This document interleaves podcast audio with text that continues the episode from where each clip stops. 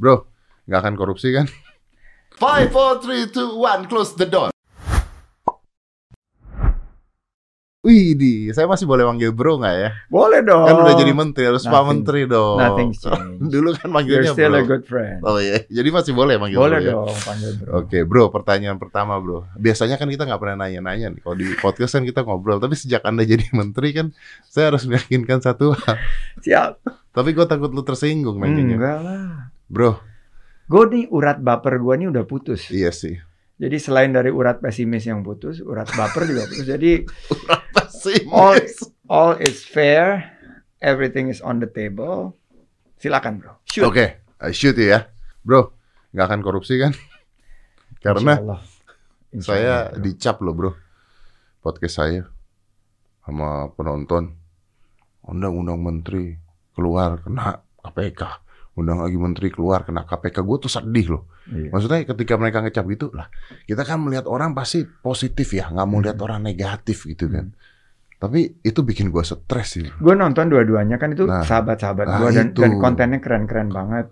Em, dan dua-duanya kemarin dapat musibah itu menurut gue jadi pengingat ya kita semua. Gue Allah udah kasih begitu banyak rezeki dan ya kita ada dalam posisi menjadi pelayan publik ya kita harus ekstra hati-hati lah Yes, dalam eh, kita mengemban amanah ini. Jadi ya gue selalu berdoa bahwa eh, gue dijauhin dari eh, ya cobaan-cobaan, ujian-ujian atau kalau ada ujian itu gue mampu bisa mengatasinya.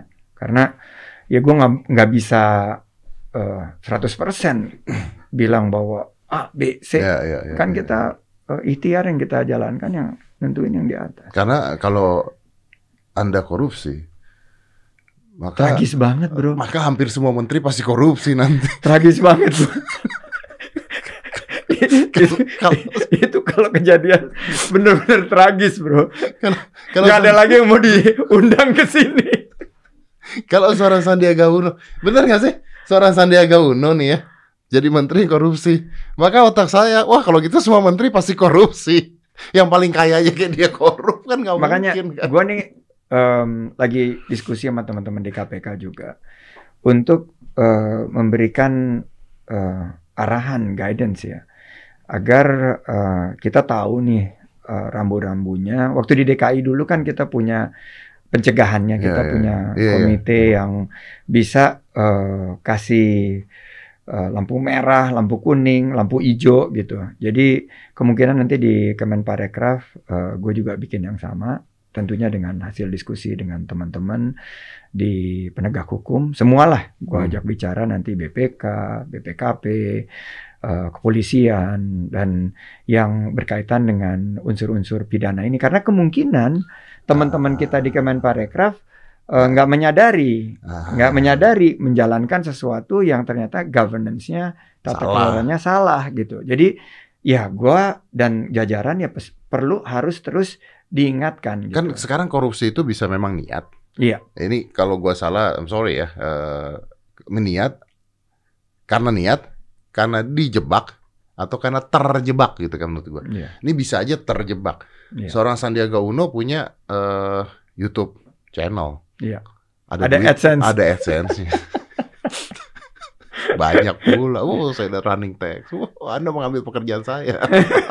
Enggak lah. Kita apa sih butiran debu. Oh, gitu ya?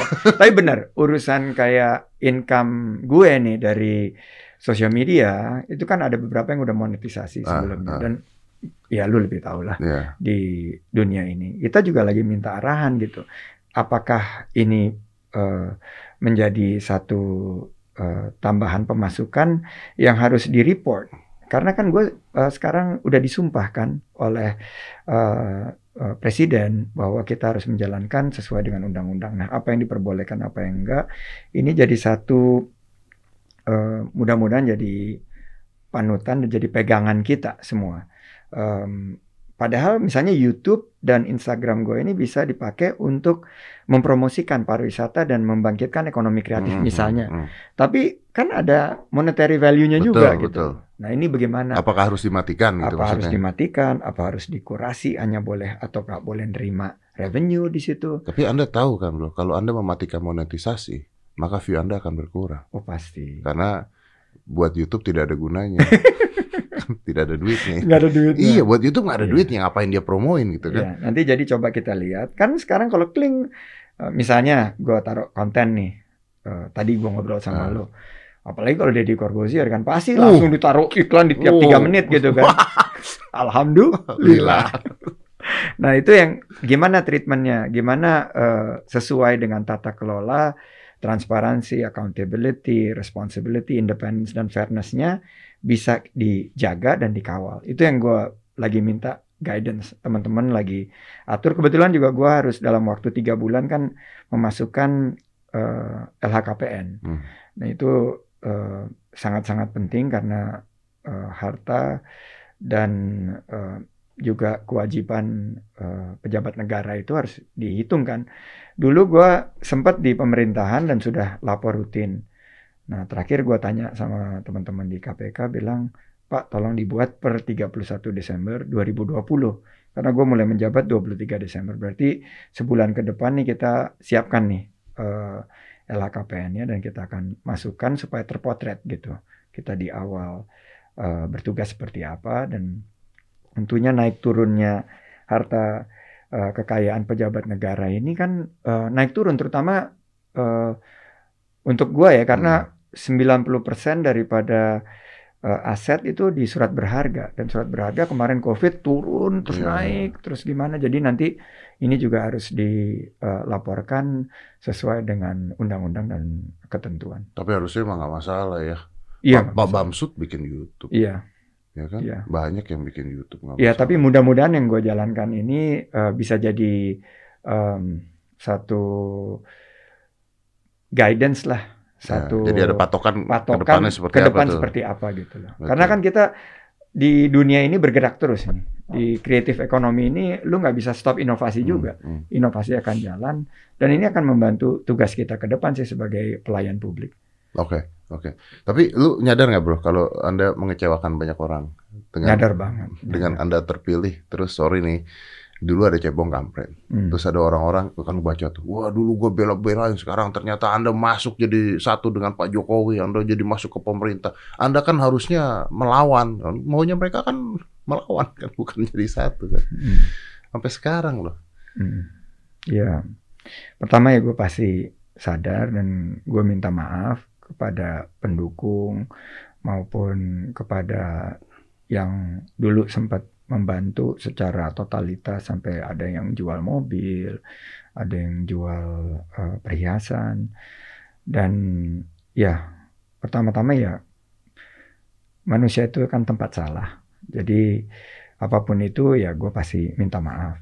Dan memang setelah pilpres kesepakatan gua sama Pak Prabowo waktu itu adalah eh, mendukung kita bagi tugas. Jadi kita mendukung pemerintah eh, yang terpilih waktu itu setelah menjalankan sampai ke MK. Dan akhirnya Pak Prabowo ditugaskan di dalam kabinet. Gua waktu itu memilih memang untuk ada di luar eh, pemerintahan untuk bisa bergerak bersama masyarakat dan membantu eh, ini sebelum Covid ya, Hmm. membantu agar eh, agenda-agenda pembangunan kita eh, bisa menghadirkan Indonesia yang sejahtera, Indonesia yang maju, adil dan makmur. Em, dan COVID ini terus terang game changer. Walaupun di tengah-tengah COVID, gua eh, sempat eh, menggagas relawan Indonesia bersatu lawan COVID-19. Jadi gue berjuang juga di luar untuk mengatasi COVID-19. Dan ya gue mohon eh, pengertian eh, dari teman-teman pendukung eh, yang sekarang mungkin kecewa eh, bahwa give me time untuk proof bahwa keputusan ini eh, dilandasi betul-betul niat tulus. Karena gua ini sih spiritual banget deh. Kalau gue cerita tuh mungkin bisa satu setengah jam lebih. Bagaimana kejadiannya gue kena covid gue mestinya udah ada di luar negeri eh, ketemu sama anak-anak eh, terus matiin telepon eh, karena COVID 14 hari itu gue ngerasain betul-betul dahsyatnya COVID. Dan setelah itu dapat tugas uh, sebagai satu ya mungkin ini jalan yang di atas uh, Allah Subhanahu wa taala berikan uh, tugas gua meningkatkan ujian gua bahwa gua harus uh, bisa uh, menyatukan bisa uh, to unite uh, the fight against uh, COVID-19 dan melanjutkan pembangunan kita ke depan. Dan pada saat yang sama kita lihat di Amerika kan hmm. bagaimana Waduh. satu yang disebut sebagai icon of democracy itu kemarin uh, hancur. Ujungnya seperti uh, itu aduh. gitu. Jadi mungkin ini tugas gue juga. Mungkin sekarang nggak populer di uh, tengah-tengah pendukung yang uh, sangat kecewa, tapi gue mohon pengertiannya. Tapi kalau gue, if you asking me ya, maksud gue yang salah adalah pendukung ya bro. Begitu. Iya, kalau menurut gua loh. Tapi kan saya bodoh ya. menurut gua yang salah ada pendukungnya. Maksudnya gini, yang didukung itu apanya nih? Yang didukung tuh adalah pemikirannya, manusianya atau apanya gitu. Kadang-kadang orang tuh suka mendukung manusianya, bukan pemikirannya, bukan pemahamannya gitu. Nah, gue tuh suka ngomong gini, apa pun yang gue omongkan, misalnya berapa tahun yang lalu, itu nggak berarti gue harus selalu sama loh. Hmm. Karena kan time change, bro. Hmm. Keadaan berubah kan. Hmm. Makanya ketika orang-orang ingat aja ada jejak digitalnya, ingat hmm. ada jejak digitalnya, gue tuh nggak terima. Hmm. Loh, jejak digital kita dua tahun yang lalu itu belum tentu pemikiran gue sekarang loh. Bener gak sih? I mean, kita aja sama orang aja bisa bete, bisa temenan kok.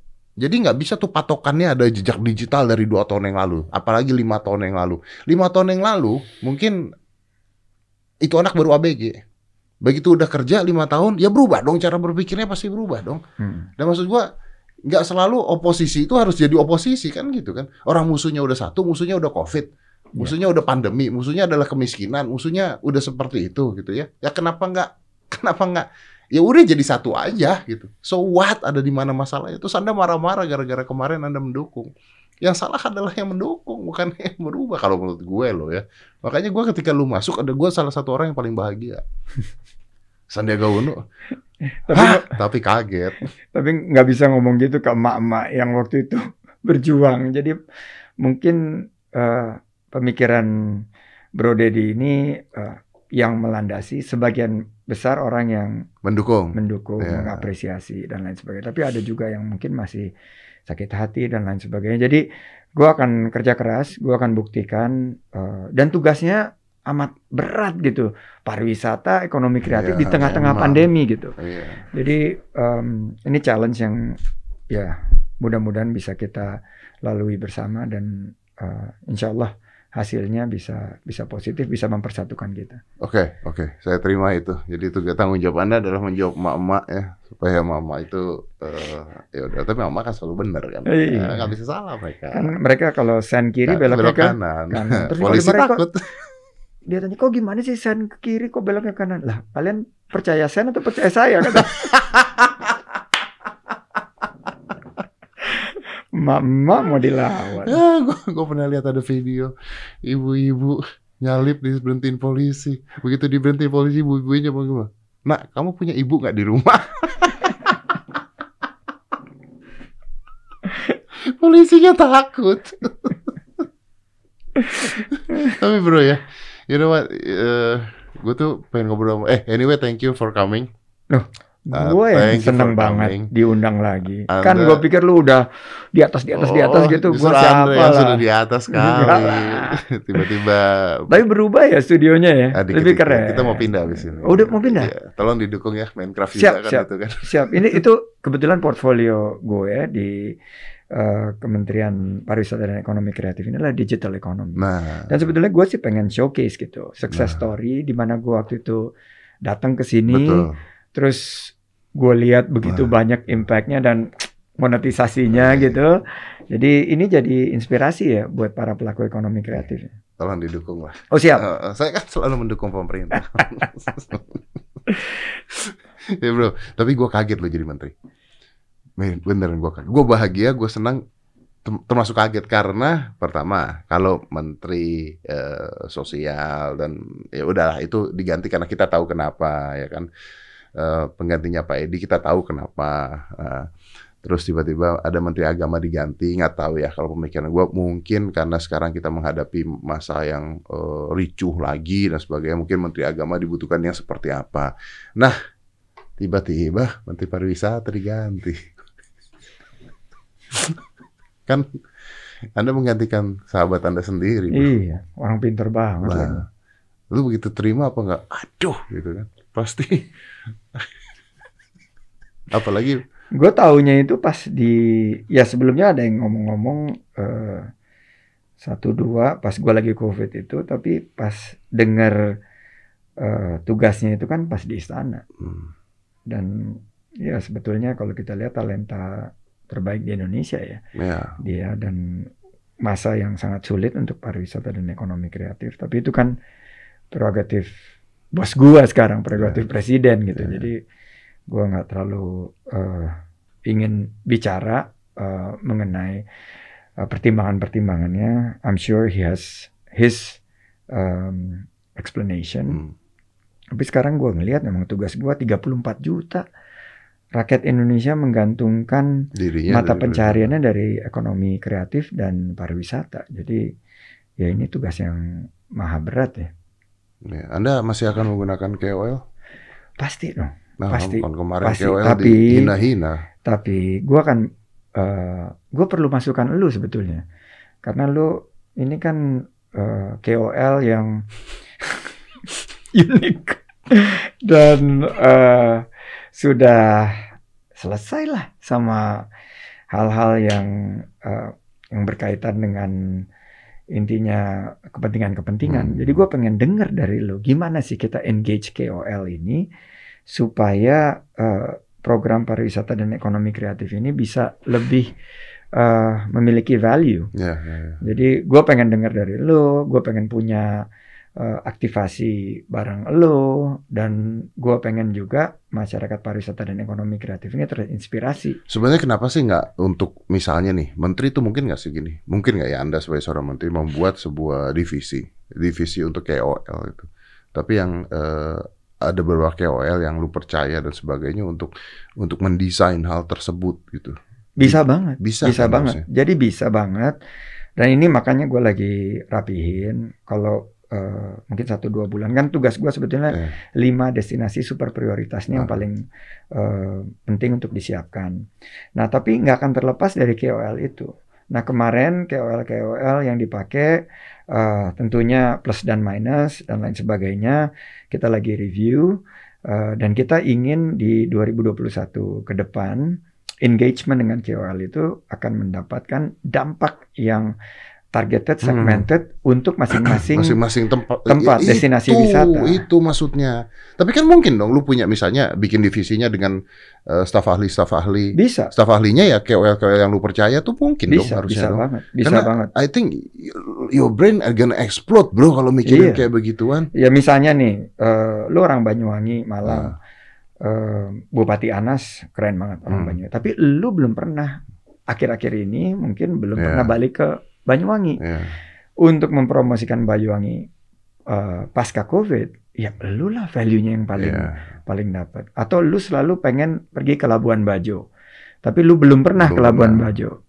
Nah, gimana caranya kita bisa Ya, win-win? ya. Eh, lu dapat eh, experience ke Labuan Bajo, kita dapat eh, kehadiran lu, Exposure-nya dan value-nya. tapi value yang paling penting Ah. eh, dan dari segi sustainability-nya dapat, dari segi dampaknya juga Ya. sangat positif. Nah, seperti itu yang eh, menggunakan big data, menggunakan eh, kebijakan berbasis data atau data driven policy Mhm. yang akan kita lakukan dan kalau boleh sih gue mau tap your brain. Jadi nanti deputy Let's yang do it, let's menanganin, do it. Ya. staf ahli yang menangani, kita buat tim kecil gitu, Mm-mm. eh, para KOL KOL yang peduli kan, lu juga mau bantu NKRI Iyalah, kan. pasti dong. Ada Oh, ada semangat rasa NKRI merah putihnya Garuda Oh, di dadaku betul. kan. Walaupun rupiah di dompetku juga. kan. iyalah, tetap. Atau dolar? Ada rupiah, rupiah. Rupiah. rupiah kan ada garudanya juga. Iya. rupiah ada garudanya. Pokoknya gitu, gua gua ngerti eh, harus ada commercial impact-nya, tapi gimana caranya kita melakukannya dengan win-win-win dan eh, lu bisa kasih advice. Jadi konsepnya itu adalah memfasilitasi dan uh, mengkolaborasi the best ideas and the Ya. best talent in the industry. Iya, iya, iya. iya. Oke, saya mau tanya sebagai eh, seorang ahli. Ahli apa? konspirasi. Oh, ahli konspirasi. Bukan, bukan, ada hubungannya. Gue mau tanya, tapi gue tau yakin lu gak bisa jawab. Kenapa? Ini, ini, ini, wah, out of the box. Bahkan we don't know where the box is gitu. Kenapa gym masuknya ke pariwisata, bro? Saya tidak terima, bro. Aturannya jadi aturan pariwisata, pajaknya pajak pariwisata, izinnya izin pariwisata. Tapi itu sebetulnya wisata loh. Lo bro. tidak bisa, Wisata, bagaimana? bro. Gua gua gua bersedia gua Anda bersedia mengatakan orang olahraga itu wisata. Saya mati-matian olahraga, Anda mengatakan itu wisata. Gimana, bro? sports tourism. Gua kan seneng lihat bicep kayak gitu, bro. Dan Ya, pasti banyak banget orang yang seneng lihat eh, tricep dan eh, apa kebugaran itu merupakan suatu apalagi di tengah Covid ya. Ini sebuah value, ya. Nah. Value yang bisa dikemas dalam bentuk pariwisata. Pariwisata Loh, berbasis bisa. kebugaran, Bisa. pariwisata berbasis olahraga, sports tourism. Tapi kenapa tidak masuknya ke kesehatan atau olahraga gitu? Kenapa bukan menpora? karena Emang emosi gue soalnya. Karena gym gue mengikuti. Nah, ini bagian daripada tugas kita. Nah, oke. Apa yang lu merasa terganggu Nah, dari segi kebijakan-kebijakan di pariwisata dan ekonomi kreatif sehingga gym itu lu nggak nyaman di bawah pariwisata. Nah ini kita address. Gitu. nah. Kalau kesehatan kasihan lah, Loh, kok kasihan? kan bebannya lagi berat banget. Kalau lu undang Pak Menkes ke sini terus dia mesti ngomongin gym, pasti dia pusingnya setengah mati. Kalau lu ngomongin Pak Menpora yang ditugasi untuk sports industry, sports science dan sports tourism itu pasti juga dia. Nah kita kolaborasi aja. Nanti gua yang Ah, iya. lead, lu Ah, kasih gitu dong. eh, masukan kenapa Aderai marah atau lu merasa nggak nyaman dengan kebijakan-kebijakan kita carilah yang kita kolaborasikan supaya ada solusinya. Karena selama ini kalau kita nge-gym di tempat gym gitu ya. Ini jokesnya anak-anak nih biar Anda dengar dan pemerintah dengar. jokesnya anak-anak. Ke mana nge-gym? Oh olahraga enggak wisata. kita nggak masuk menpora bro katanya kita. Tapi ada pertandingan ya katanya. Seru seru seru. Tapi kan bener dong. Bener, Udah- bener, Udah bener. gitu eh, Menteri Kesehatan atau Puskesmas itu. Oh, Adira mah kalau ngomong Puskesmas itu salah. Harusnya itu pusat kesakitan masyarakat. Pusat kesehatan masyarakat itu yang benar adalah tempat olahraga katanya. Kan? Nah, ini waktu gua tugas di balai kota ya. Tapi sekarang jadi tugas gua juga di pariwisata dan ekonomi kreatif. Gimana caranya eh, dari aspek pariwisatanya bahwa konsep-konsep kesehatan yang promotif dan preventif. Ah. Nah, gym ini kan promotif dan preventif, mempromot gaya hidup sehat Eh, dan mencegah penyakit. betul. Nah, itu bisa dikemas dalam sebuah kebijakan pariwisata, Bro. Pariwisata berbasis kesehatan. mana ada Keren? Mana- Emang ada yang datang pasti. Ada Eh, lah. Bisa ya? Bisa, Bisa lah. ya? Bisa, Bisa, bisa, bisa. Apalagi kalau lu KOL-nya. Iya. iya. Orang kalau mau gym, Ah. lu KOL-nya ke siapa? Ke gue Ya berarti. ke gue lah. Iya. Nge-gym bareng di. Iya, gua sama lu. Iya betul. Kita dua-duanya cinta olahraga. betul. Iya, iya. Sambil pariwisata. Ambil pariwisata. Ya, anda pinter banget masuk-masukin. Dan gue bisa pengen ya gym itu ke depan. Mudah-mudahan kan sekarang pengen eh, kita like like it or not bahwa orang pengen berkegiatan di udara terbuka. Dulu tuh di Iya betul. LA, di California, gue suka lihat tuh outdoor gym. Mm-mm, mm. Eh, mungkin bisa dikembangkan juga dengan kolaborasi kita di beberapa destinasi-destinasi wisata kita bahwa outdoor gym itu jadi satu daya tarik juga orang eh, berpromosi gaya Ya. hidup sehat, mencegah penyakit dan berpariwisata. Ajak saya lah bro. Boleh, boleh, boleh. Itu kan lumayan ada bisnisnya juga bro. Iya, boleh, Lagi boleh. zaman gini bro, buka gym, ya Allah gym gua kesian banget bro. Jadi nanti gym lo itu bisa juga buka di beberapa destinasi super prioritas nah gitu. iya, tolonglah. Dan kita, eh, gua sediain spotnya, Nah. lu cari investornya, gue bisa bantu cari investornya. Iya kan. Sudah kan gue keren. Oke kalau punya. gitu pariwisata masuk. Bagus. Masuk kan? Setuju nggak? Gampang banget. Iya nih Muscle Beach Gym USA. Nih kan Muscle Beach Gym USA. gue pernah lihat nih lagi Iya, lari. iya, Wih, kok di luar? Dan inilah Outdoor gym. Ukraine. Oh Mm-mm. iya. Tiger Muay Thai. Oh iya iya, keren tuh boleh. keren. tuh. Wih, di sini buka tiga hari alatnya hilang. Indonesia mau dilawan. Dumbbell. Kok tinggal dua. Kemarin berasa Lempengan hilang. Loh, bro, lu nggak tahu ya. Diambil sama diambil sama teman-teman kita. Dikiloin. Rel rel kereta aja diambil bautnya pernah denger kan ceritanya kan? Jembatan aja waktu gua di DKI murmur Murnya diambil kan? Iya makanya. Gimana lempengan Tapi itu begitu? membuka lapangan kerja juga, Bro, untuk ngejaga outdoor gym.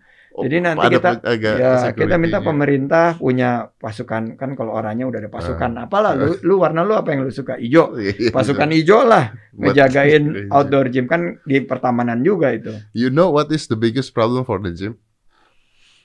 Nggak tahu Because I open a gym, so I know the biggest problem ya adalah adalah ibu-ibu yang suka ngambilin shampoo dan sabun oh di botol pak, di jadi botol pindahin bos, di botol bos. Jadi begitu kita pak, ini kenapa shampoo bisa habis cuma dalam waktu satu jam gitu? dia pindahin Ternyata ketahuan pernah ada ngambil di botol sama toilet paper hilang. oh, toilet paper juga suka Iya, hilang. karena kan berondol-berondol begitu. Itu hilang. Jadi masukin tas, masukin tas, masukin tas tuh. Luar biasa kan?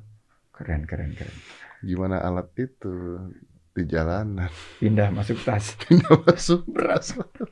mesti pakai metal detector kalau keluar iya benar bunyi dia. Tapi benar ya. Berarti eh, iyalah tolonglah Pak. Ya, Bapak kan udah menteri saya apalagi saya mencintai Anda dari dulu. Jadi ya mudah-mudahan kita bisa kolaborasi lah ya kita gue yakin COVID-19 ini mengubah perilaku kita forever dan mudah-mudahan juga kita bisa eh, dapat hikmahnya nih dan gue selama COVID kemarin gue nonton show lu kan tiap hari kan Wih, karena makasih. Sulaiman kan anak gue yang kecil itu penggemar besar penggemar berat lu kan lu tapi range lu tuh gila lo bro Iya, sampai anak kecil. sampai Bro. anak kecil pada nonton Iya. Bisa nonton lu conversation kan sukanya mereka misalnya yang entertaining kan Oh, mereka enggak, ini mereka dengerin. dengerin Benar. wah, hebat Makanya juga. kenapa bukan saya yang disuntik vaksin kemarin? Aduh. Oh, saya suntik vaksin kan saya bisa bisa cerita ya bisa cerita buat anak-anak itu. Tapi ngomongin eh ya ngomongin vaksin bukan bukan wacana Anda ya. Eh tapi itu juga ngaruh. sangat wacana karena gue sekarang lagi eh, mencoba meyakinkan eh, pemerintah eh, yang mengurus vaksin bagaimana destinasi-destinasi pariwisata dan ekonomi kreatif pelaku-pelaku pariwisata dan ekonomi kreatif itu bisa dipertimbangkan untuk diberikan prioritas vaksin duluan This makes sense. seperti Bali mungkin Bajo karena mereka sangat bergantung sama pariwisata Oh, iya. kalau ada em, rasa aman dan nyaman bahwa Kepercayaan. kepercayaan bahwa daerah tersebut sudah bebas COVID karena 70% daripada masyarakat misalnya sudah divaksin, ini akan sangat mendukung eh, kebangkitan dan kepulihan sektor pariwisata dan ekonomi kreatif dan bisa buka lapangan kerja seluas-luasnya. Five, four, three, two, one, close the door.